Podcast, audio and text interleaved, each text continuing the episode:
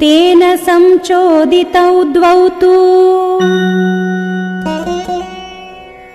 राक्षसौ सुमहाबलौ मारीचश्च सुबाहुश्च।